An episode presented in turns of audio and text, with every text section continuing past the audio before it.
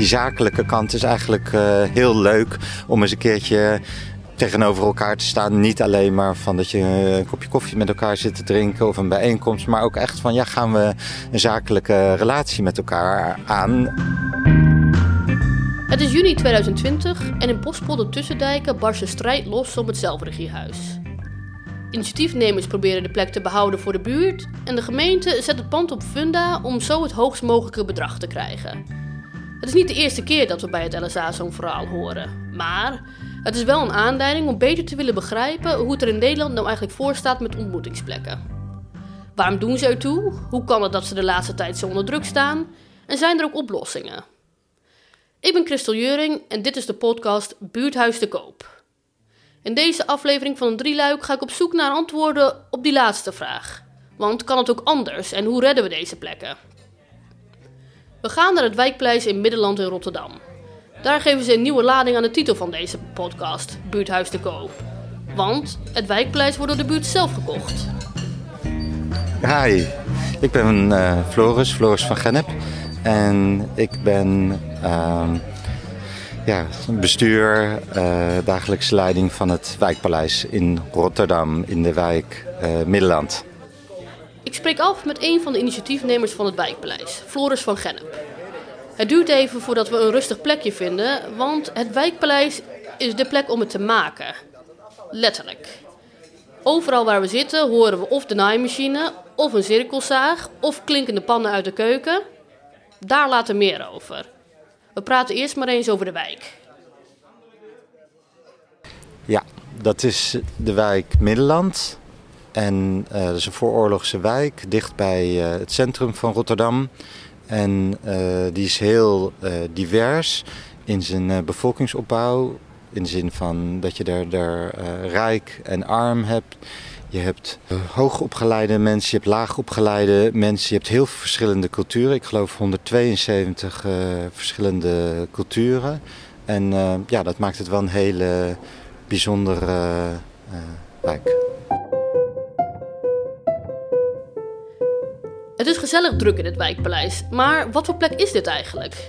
het wijkpaleis noemen we de plek om het te maken. En dat gebruiken we in uh, de dubbele betekenis. Dus aan de ene kant gaat dat uh, over fysiek maken. Um, dus er wordt van alles uh, geproduceerd. mensen uit de wijk komen om dingen te maken. Er zitten ondernemers, makende ondernemers zitten in de wijk. Aan de andere kant gaat het over het maken in het leven. Um, en dat is natuurlijk een veel ingewikkelder vraagstuk. maar ehm, dat is wel wat we ja, met elkaar, met de buurtgenoten, daaraan proberen te werken. En eigenlijk is er voor iedereen wel een plek om iets te doen. Ja, dus de publieksruimte op de begane grond, uh, daar is gedeeltelijk inloop. Dus allerlei verschillende mensen lopen daar binnen, ontmoeten elkaar, kunnen daar meedoen aan maaksessies die door de ondernemers georganiseerd worden, leren daar dingen van. Of kunnen zelf zeg maar beginnen met ondernemen en de eerste stapjes daarvoor zetten uh, bij ons. Dat maken, waar we het eerder al over hadden, zie je door het hele gebouw terug. Zo huren mensen die van maken hun werk hebben gemaakt of dat willen doen, ook ruimtes bij het wijkpaleis. Dus dat gaat van een, een, een constructeur naar een gitaarleraar, mensen die uh, met textiel bezig zijn, uh, of theater maken, film maken. Uh, alle, alle verschillende vormen van maken komen daarvoor. De ondernemers kunnen huren tegen een lager tarief en in ruil daarvoor geven ze iets terug aan de wijk. Dat kan zijn in de vorm van een textiel repair café. Dat kan zijn uh, de, de filmmaker die hier zit, die organiseert uh, filmavonden. Vanavond is zo'n uh, filmavond. de constructeur die bouwt met mensen uit de wijk constructies om, om constructies uit te leggen en om uit te leggen wat het is om constructeur te zijn. Zo doet iedere ondernemer in het wijkpaleis zijn social return. Het is een mooi voorbeeld van hoe kleine dingen groot kunnen worden. Het wijkpaleis begon ooit met een Lumpiakar als ontmoetingsplek. En die Lumpia Car die werd op een gegeven moment een mooie kiosk. Die daar ieder jaar terugkeerde met een, een cultureel programma en waar mensen elkaar ontmoeten. En vanuit daar kwam de vraag of er niet ook een, een binnenruimte moest komen in, in Middelland. En die binnenruimte die kwam er. Een pand van 400 vierkante meter in een souterrain op de Eerste Middellandstraat. Je moest wel door het raam naar binnen, maar het werd een hele druk bezochte plek met ontmoetingszaal en ruimte voor ondernemers. Maar op een gegeven moment werd ook dit gebouw, dat in eigendom was van de gemeente, in de verkoop gezet. Het wijkpaleis deed een serieuze poging om het te kopen. Uh, ja, dus toen kwam inderdaad toch het moment dat de gemeente zei van ja, we gaan dit pand uh, verkopen.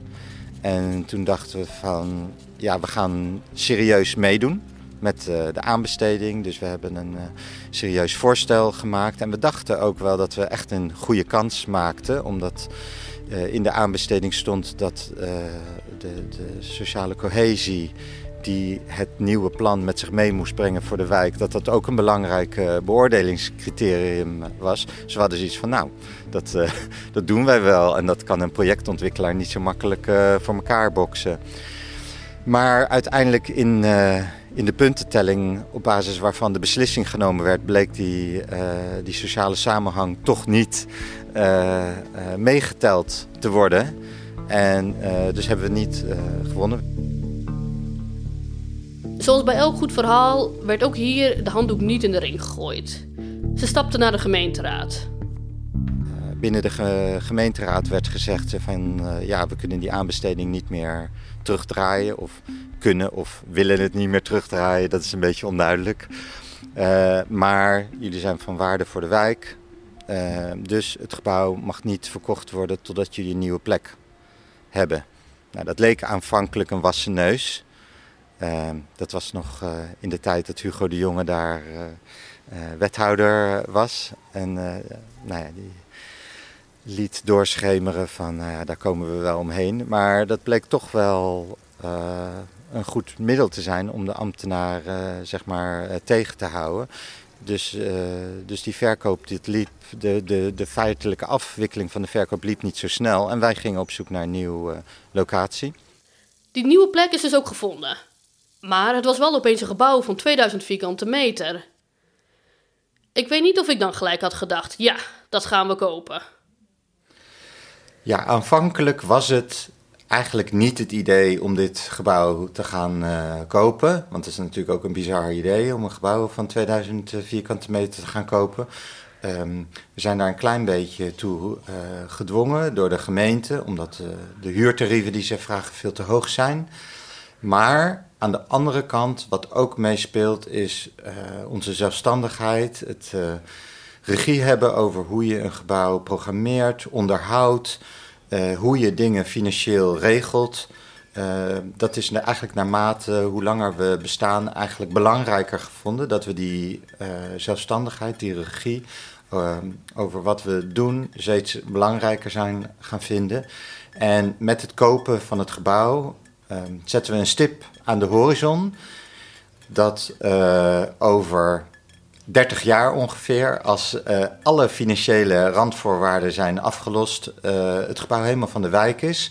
En op dat moment um, hoeven we geen rente meer te betalen, maar dan komt er eigenlijk geld vrij wat we kunnen gaan besteden in initiatieven in de wijk.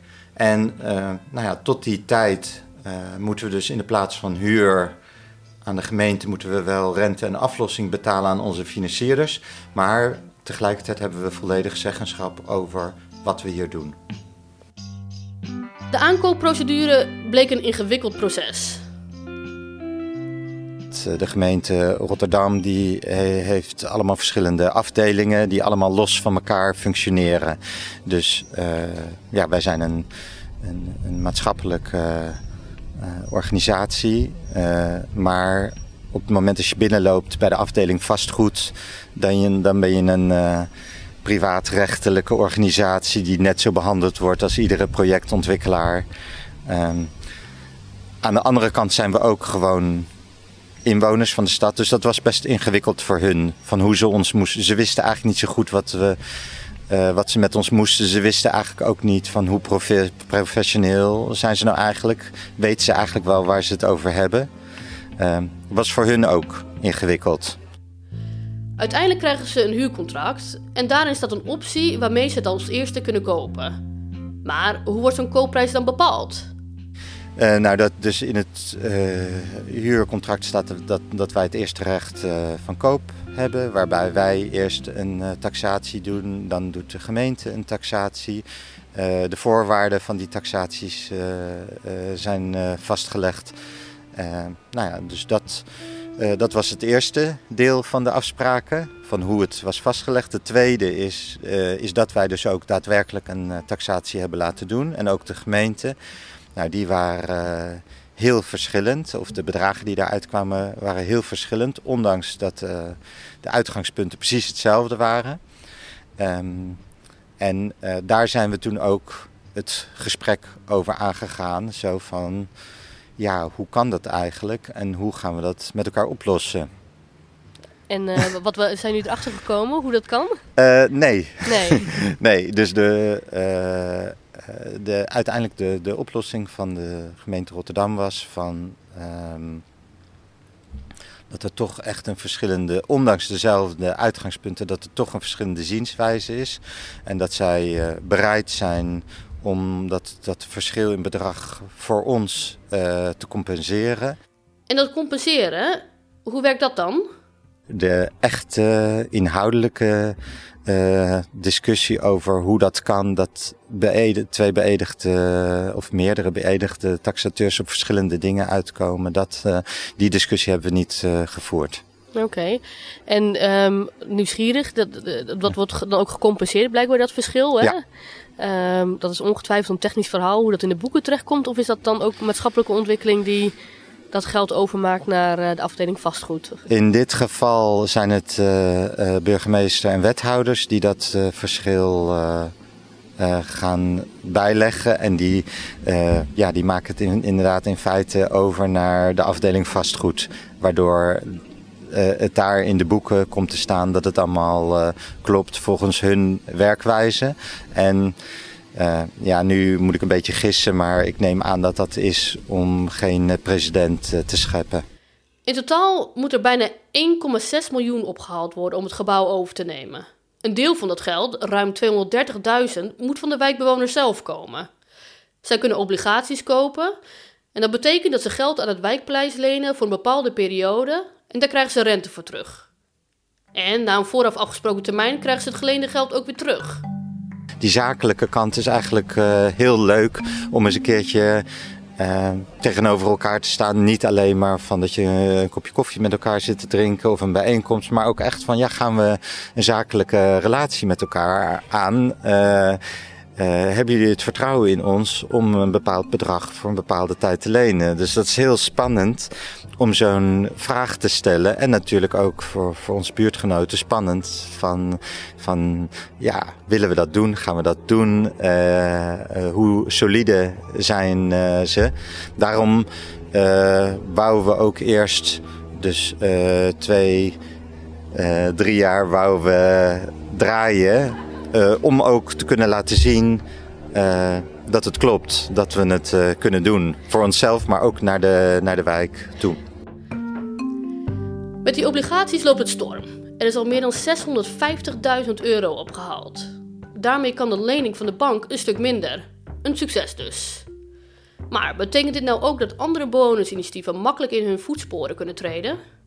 Wat wel echt heel veel geholpen heeft, is um, uh, heel veel uh, binnen Rotterdam, ook binnen de, de politiek en binnen de wijk, heel veel hulp gekregen. En, en heel veel mensen die kennis hebben bijgedragen. En daar dus ook, nou ja, dus ook daarbuiten. Van, nou ja, en van jullie, van de LSH, van de, van de Koninklijke Heidemaatschappij en dat soort van dingen. Dat is ook heel essentieel gebleken. Um, daarmee heeft, was er ook een moment dat de gemeente ons serieuzer begon te nemen. Dat wij tegelijkertijd ook mensen van arcades aan tafel schoven. Toen dachten ze opeens van, van oh ja, oké, dit uh, gaat wel uh, ergens uh, over. Dus dat is een belangrijke tip. Dat je dus wat, wat versterking echt goed kan gebruiken. Ja, en dan is natuurlijk de, de tijdsfactor is belangrijk. Is dat, dat dat je, je, eh, je, moet, je moet wel de tijd ervoor hebben om, om zo'n moeizaam proces te doorlopen. Als je, als je het te snel wil, dan, uh, dan wordt het heel moeilijk. Ja. Nu op dit moment. Als ik je zo hoor praten, er zijn een aantal soort van beslissende momenten geweest. Um, en als ik het goed begrijp, zijn dat vaak momenten waarop je in eerste instantie met ambtenaren aan tafel hebt gezeten. Maar er vaak een soort van politieke keuze is geweest om toch een andere route in te slaan. Bijvoorbeeld uh, de gemeenteraad noemde je. Uh, ja. Maar misschien ook uiteindelijk wel de, de, de keuze om te gaan voor uh, nou ja, die twee verschillende taxatiemomenten. Um, mijn indruk is eigenlijk dat, dat een heleboel, als je het hebt over maatschappelijk vastgoed, wordt gepresenteerd als nou ja, bijna een soort van natuurverschijnsel, een natuurwet. Dit is hoe we dat doen. Maar dat het eigenlijk politieke keuzes zijn. Dat uiteindelijk de politiek zegt: zo gaan we het doen? Um, nou, eigenlijk uh, uh, is, er, is er nog niet uh, een methode voor. Dus zij, zij kunnen. De, kan nu nog niet een. als je bij de gemeente aanklopt, kunnen ze nog niet een route aangeven. dus behalve de leegstandsopvulling en het alternatief dat je je zeg maar gaat verkleden als een projectontwikkelaar en dus ook uh, die, uh, dat soort van prijzen betaalt. Eigenlijk de, de tussenweg, die bestaat eigenlijk gewoon nog niet. Dus dat moet geforceerd, elke keer geforceerd worden door ofwel politieke keuzes of ja, een paar fantastische mensen binnen de gemeente.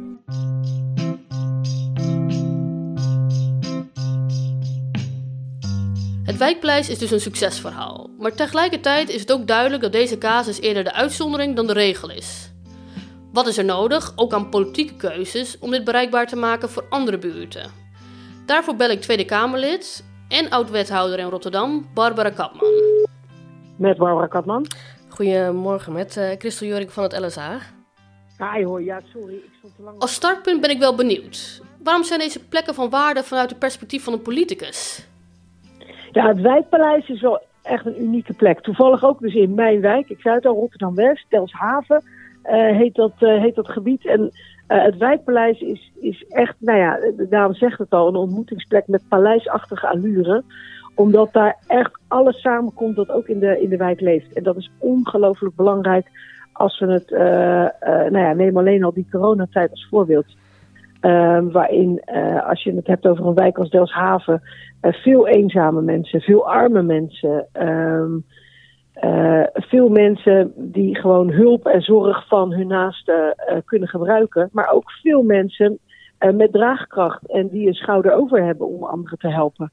het is ongelooflijk van waarde dat, dat, dat er plekken zijn waar dat allemaal samenkomt. Maar een plek waar je samen voor elkaar kan zorgen, met elkaar kan lachen, met elkaar kan eten.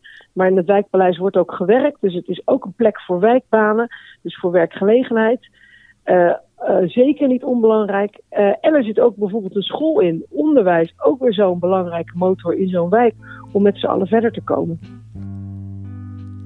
En als deze plekken zo belangrijk zijn, waarom is het dan zo moeilijk om ze te behouden? Ja, het is, het is lastig om deze plekken te, te, behouden. Dat is nou ja, één groot antwoord en dat is ook de doorgeslagen marktwerking. Dat we alles in, in verdienmodules uh, moeten stoppen. Um, uh, dat slaat natuurlijk nergens op. Omdat juist uh, wat deze plekken zo uniek maakt, is de maatschappelijke waarde en de maatschappelijke impact. Dus ik ben wel blij dat we steeds meer ook naar brede welvaart gaan kijken in plaats van alleen maar winst en verdienen. Um, zodat zulke soort plekken ook veel meer in waarde uitgedrukt kunnen worden.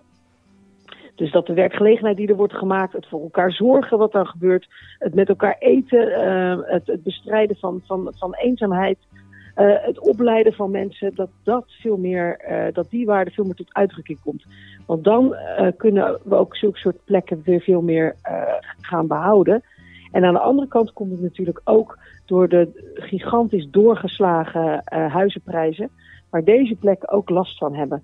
Dus dat vastgoedeigenaren uh, niet meer op hun vastgoed willen zitten, maar die, wilden allemaal, die willen allemaal heel snel verkopen uh, en er heel veel appartementen van maken. Want vaak zijn het plekken met veel vierkante meters, uh, waar je dan nog meer mee kan, kan verdienen. Dat is eigenlijk ook weer dezelfde marktwerking die in de weg zit. En we moeten echt naar deze plekken gaan kijken, ehm, naar de waarde die de mensen die, die, die het betreft, de toevoeging daarvan. Uh, in plaats van naar alleen maar het financiële plaatje. En dat is het grote probleem met deze plekken. Het voelt alsof we hier dan toch uitkomen bij het idee dat het een politieke keuze is. Of is dat te simpel? Het is een politieke keuze op de eerste plaats. En de tweede plaats hoe onze financiële systematieken werken. En de politieke keuze is van ja, de overheid eh, mag geen bezit hebben. Weet je, we zijn geen aandeelhouders of, of eh, vastgoedbazen, dus stoot het maar af. En dat is een hele rare uh, politieke keuze in het vaarwater waar we zitten. Waar juist op het vlak van welzijn we al die kostenplaatjes niet doorgerekend krijgen. En als je kijkt naar de opbrengsten en, en, en de waarde van al het welzijn wat in zo'n zo plek wordt gemaakt. Het bestrijden van eenzaamheid, het voor elkaar koken, de banen die ge gegenereerd worden. Um, letterlijk ook de, de, um, de informele zorg die daar geleverd wordt. Dat is gigantisch. Uh, dus iedereen met eigenlijk een beetje een, uh, een, een, een, reëel uh, kostenplaatje in zijn hoofd. Ja, zou je denken, je bent gek als je het afstoot. Maar het is nou eenmaal de politieke keuze die, die gemaakt wordt. Hier zien we dan ook de vreemde situatie terugkomen. Dat het geld er op zekere hoogte gewoon binnen de eigen organisatie rondgepompt wordt. Zeg maar broekzak-vestzak. Het is inderdaad zo dat, je, dat de, onze financiële systematieken zijn zo dat dan die afdeling vastgoed kan kijken. Kijk eens wat wij allemaal hebben weer in het laadje hebben gebracht. Daar kunnen we dan allemaal weer mooie dingen mee doen. Dat is eigenlijk wat er dan wordt gezegd. Maar ondertussen, omdat de huurprijzen zo gigantisch zijn of omdat vastgoed is afgestoten, zijn welzijnspartijen die keihard nodig zijn voor de zorg voor mensen, die zijn gewoon al omgevallen of kapot. Nou, om dat überhaupt weer op te bouwen, dat kost gigantisch veel meer dan de huurpenningen die in het laadje zijn gekomen. We hadden het er eerder al over. Politieke keuzes. Maar welke politieke keuzes moeten we dan maken? Ja, wat, wat je sowieso zou moeten doen als politieke keuze is dat je uh, dat eigenlijk per direct elke gemeente stopt met het afstoten van maatschappelijk vastgoed.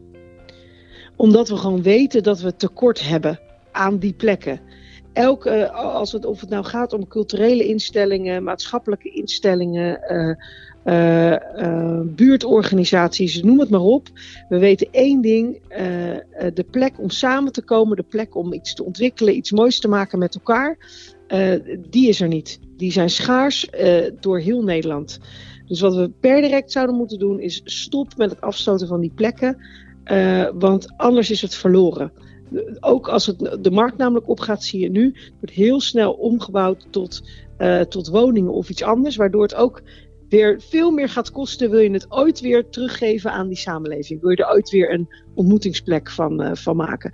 Dus je hebt, ten eerste heb je die, die, stop, die stop nodig. En ten tweede moet je veel meer, en ik ben ook blij, dat doen we ook nu in Den Haag, gaan begroten volgens de brede welvaart. Dus dat je maatschappelijke impact en die maatschappelijke kostenbaatanalyses ook meeneemt in hoe je begroot. Zodat je um, de maatschappelijke waarde die zulke soort initiatieven hebben, ook letterlijk uh, in kostenplaatjes tot uitdrukking uh, kan brengen. En dan kan ook een gemeenteraad of zelfs een Tweede Kamer erover beslissen van, oh hé, hey, kijk nou, eigenlijk levert ons dit zoveel op. Um, uh, maar ja, dat vinden heel veel partijen uh, ingewikkeld. En dan is het altijd maar uh, de makkelijke politieke keuze om het niet te doen. Dan komen we ook op een van mijn favorieten. Een right to bid. En dat zingt al langer rond. Het recht voor een buurt om als eerste een bieding te kunnen doen als een pand in de wijk in de verkoop gaat. Wat in ieder geval fijn is, is dat dat eerste recht erin in verweven zit. Dus dat je als eerste in ieder geval de wijk uh, um, het recht geeft om, om een bod te doen. Maar daar zit hij dan alweer in de weg, hè? Dat is dat je een bod moet doen. En dat is dus een marktconform bod.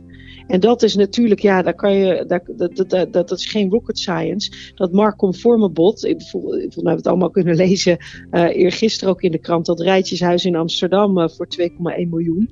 Dat Mark-conforme is natuurlijk helemaal niet rond te rekenen. Ja. Uh, dus waar het om gaat is dat, dat, dat, je, dat je het echt met, zo, met dat right to bid, je geeft de, wijk als eerste de kans. Want het kan natuurlijk ook zijn, dat is wel het mooie van de wijk, dat, het, dat de wijk zegt, nou, eigenlijk, ja, we hebben ze even rondgevraagd, maar nee, het hoeft eigenlijk niet. Nou, en op die plekken waar het ook niet hoeft, hoeft het ook niet. Maar uh, mocht de wijk opstaan, dan hoort bij dat right to bid wel dat we dan gewoon gaan naar een maatschappelijke prijs. Dus eigenlijk naar een soort sociale huurprijs voor maatschappelijke initiatieven. Ja. Of, een, of een sociale koopprijs. Of je zou het ook nog in een soort sociale koop kunnen doen. Als het toch van de gemeente is, dan koopt de gemeente het eigenlijk voor dat initiatief. Uh, en je, dat initiatief betaalt geen, geen huur, maar gewoon hypotheekaflossing. Dat zijn ook allemaal constructies die je zou kunnen doen. Ja, en dat zou ook al een hele hoop administratie en energie uh, in, in, uh, in allerlei administratieve molens schelen. Als, als dat werk gewoon door de gemeente zou worden overgenomen. En dan kunnen die partijen doen waar ze goed in zijn. Ontmoetingsplekken realiseren, waar wijkbanen worden gemaakt, waar mensen voor elkaar zorgen. Waar, ja, als je je energie helemaal daarin zou kunnen stoppen, dat zou natuurlijk ideaal zijn. Er zijn dus ook lichtpuntjes, er zijn oplossingen.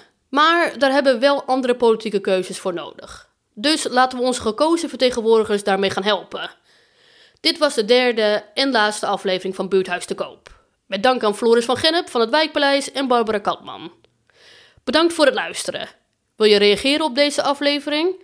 Jouw ervaringen delen? Of meehelpen door te vragen om andere politieke keuzes? Stuur ons dan een berichtje via onze website www.lsabewoners.nl. En Vergeet niet om de podcast te delen met buurtgenoten, collega's en vrienden. Hoe meer luisteraars, hoe meer mensen de kracht van buurthuizen ontdekken.